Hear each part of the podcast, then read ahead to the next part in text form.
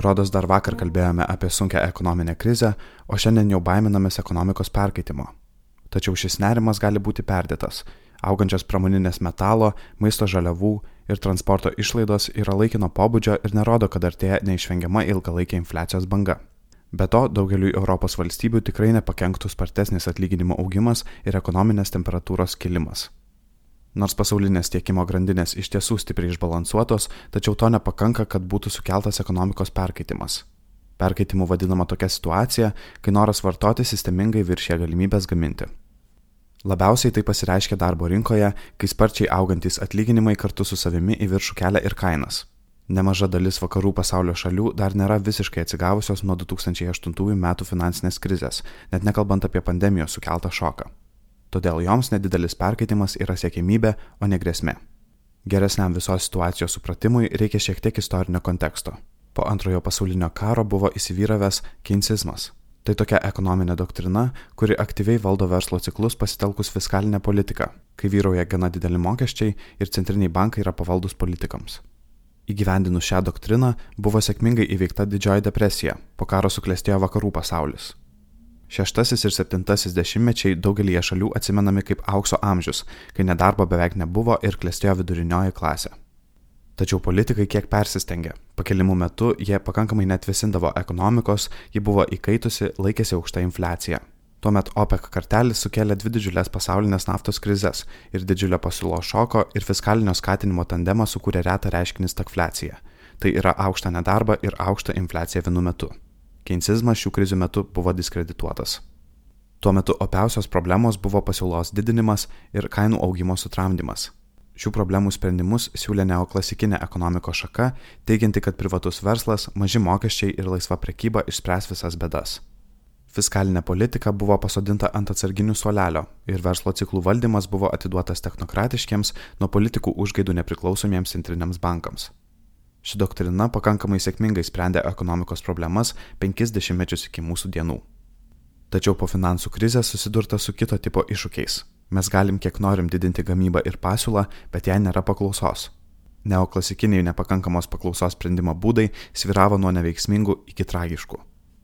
Dar iki pandemijos pradžios brendo įsitikinimas, kad reikalingas aktyvesnis fiskalinės politikos vaidmuo, skatinant ekonomikas, sprendžiant pajamų neligybės klausimus ar tiesiog atnaujinant nusidėvėjusią infrastruktūrą. Po finansų krizės monetariniai politikai buvo palikta vienai spręsti visus klausimus, taikant mažų palūkanų ir kiekybinio skatinimo programas. Net ir tada buvo bijoma monetarinio skatinimo sukeltos hiperinfliacijos, kai realiai jokios infliacijos praktiškai nebuvo. Politikos formuotojai suprato, kad ne infliacijos šmėkla, o sistemingai aukštas nedarbas ir pajamų neligybė yra opiausios ekonominės problemos. Pandemija tik paspartino ir taip brendusi pokytį, tad ekonomikos įkaitimas iki tam tikro lygio tampa siekiamybė. Taip norima didesnio užimtumo, kad darbo vietų būtų pakankamai ir net labiausiai pažeidžiamos visuomenės grupės galėtų jį susirasti. Šiek tiek aukštesnė infliacija tokiu atveju tampa priimtina kaina mainais į mažą nedarbą. Po pandemijos šoko šalys atsigauna nevienodų tempų. Lietuva nukentėjo pakankamai mažai, todėl lenkia daugelį šalių ir jau šių metų pradžioje pasiekė 2019 metų lygį.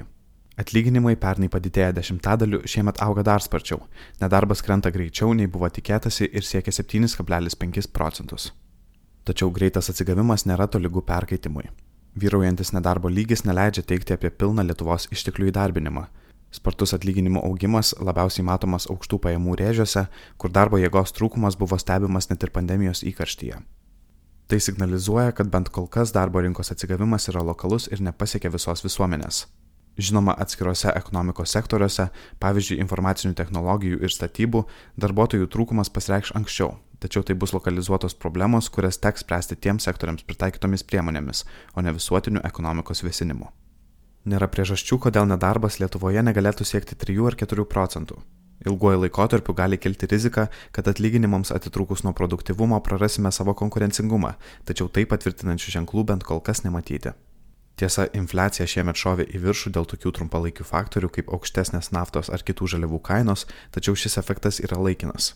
Tiekimo grandinės ilgainiui prisitaikys prie naujos paklausos, įmonės atstatys savo atsargų lygį ir spaudimas kainoms atlieks. Nei mokesčių, nei pinigų politika negali reikšmingai paspartinti tiekimo grandinio prisitaikymo, todėl į šiuos veiksnius reaguoti būtų beprasmiška. Esminis veiksnys, lemiantis ar kainų augimo tendencija gali tapti ilgalaikė, yra darbo rinkos būklė. Ji atsigauna, tačiau pavojaus varpais skambinti dar anksti.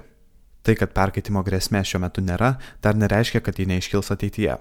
Per porą metų ekonomika gali išties įkaisti, nes kaip rodo istorija, politikai mėgsta persistengti su skatinimo priemonėmis ir netitraukia jų laiku. Be to, Europos centrinis bankas skatinančią politiką planuoja išlaikyti dar ilgai. Lietuva atsigauna sparčiau nei visa eurozona, tad gali atsitikti taip, kad vis dar reikės skatinti Italiją ar Ispaniją, o Lietuva jau bus arti perkaitimo ribos. Geroji žinia visgi yra tai, kad įrankių ekonomikos vėsinimui yra pakankamai. Jei pradėtų formuotis netvarios tendencijos būsto rinkose ar finansų sektoriuje, jas galima sustabdyti makroprudencinėmis priemonėmis. Fiskalinė politika lygiai taip pat tinka ekonomikos vėsinimui kaip ir skatinimui. Tai galėtų būti gera proga nušauti du zuikius vienu šūviu ir atvesinti ekonomiką didesniais mokesčiais ir išspręsti struktūrinę nepakankamo viešojo sektoriaus finansavimo problemą. Žinoma, politinis ciklas dažnai veda prie neoptimalių sprendimų.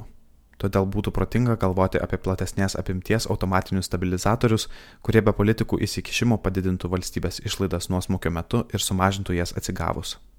Aukšta ekonomikos temperatūra turi ir daug pliusų, Žemas nedarbo lygis ir augančios mažai uždirbančių pajamos duotų daugiau naudos nei bet kokios socialinės programos.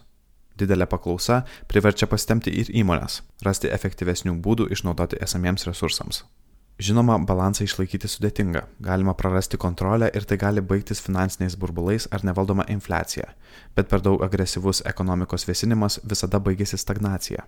Todėl reikia ieškoti būdų, kaip neprarandant kontrolės ir reaguojant į disbalansus, ekonomikos temperatūrą išlaikyti optimalią.